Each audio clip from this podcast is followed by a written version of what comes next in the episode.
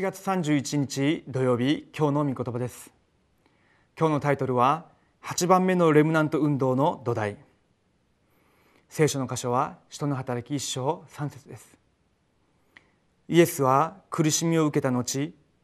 40日の間彼らに現れて神の国のことを語り数多くの確かな証拠を持ってご自分が生きていることを人たちに示された。聖書に記されている7人のレルマンたちの特徴があります。それが苦しみです。苦しみと困難を通しながら神様の答えを発見しました。それはその苦しみを全部土台にしたということです。8番目のレムナント運動の土台というタイトルですけれども8番目のレムナント運動をする私と皆さんの立つべきところが土台です。私の苦しみ私の過去私にある問題それに全てに勝利することができる秘密がなければならないでしょう。その土台が何でしょうか。今日メッセージを通しながら一つ一つそのことを確認したいと思います。では今日の序文です。私に一番多くやってくるのが恐れです。私たちには個体よりも苦しみがより多くやってきます。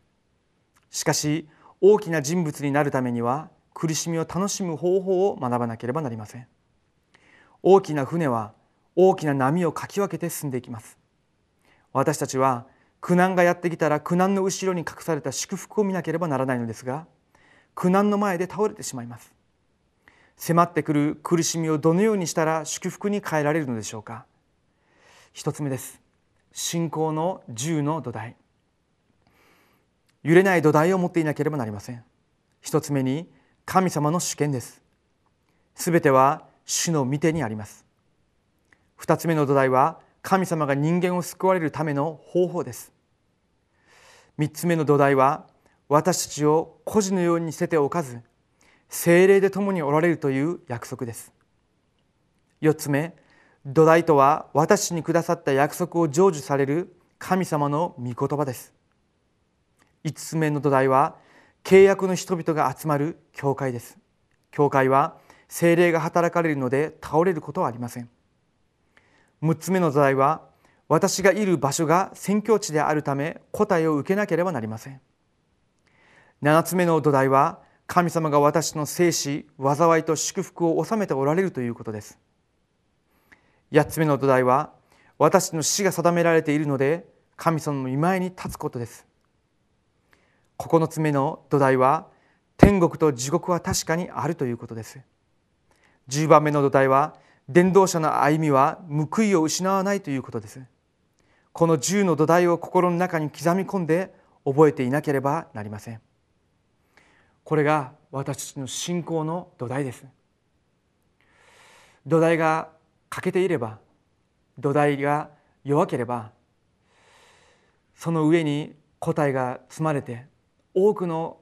ことが積まれた後に崩れやすくなります。ですので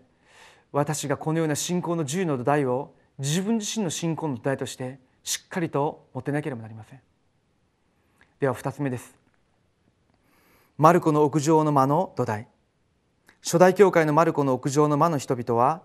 キリストが完全な体でよみがえられたことを体験しました。だから初代教会の人々はキリスト神の国精霊の満たしの土台を握って完全に勝利しました。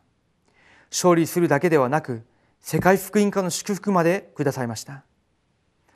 私が現場を生かそうとするんであれば初代教会の伝道運動の土台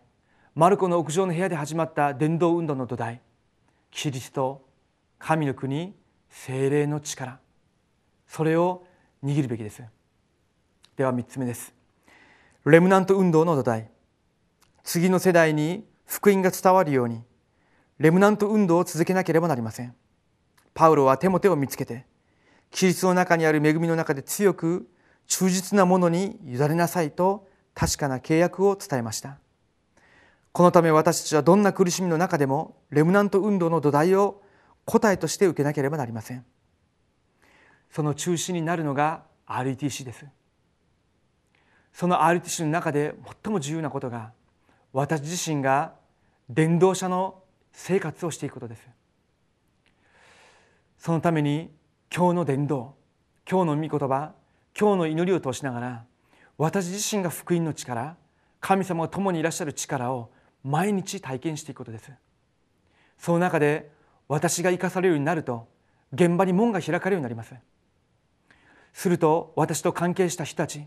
教会に行ければ教会の住職者が私を通して恵みを受けて神様が生きていらっしゃること伝道運動が成り立つことを見るようになります。また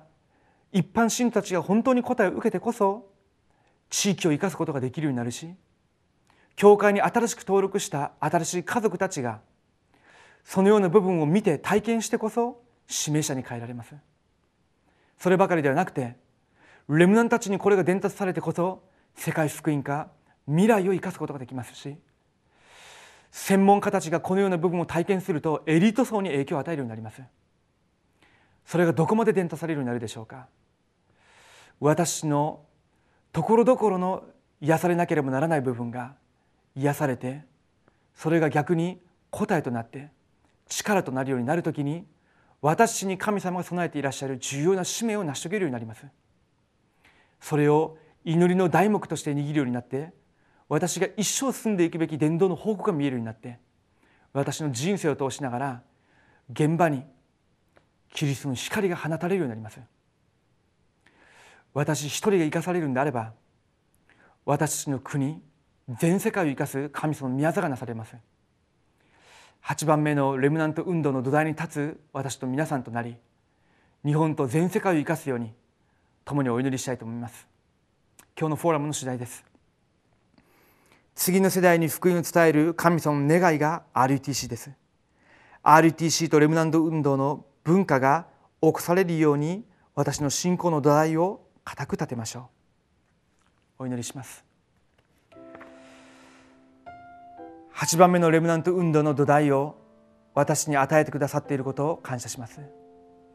与えられているこの土台を自分のものとして固く据えてその上に立つレムナント指名者とならしめてください。そのレムナント運動の土台中の土台が RTC でありその RTC 運動の中心に立つのが私一人一人です。神様私一人一人が誠の伝道者として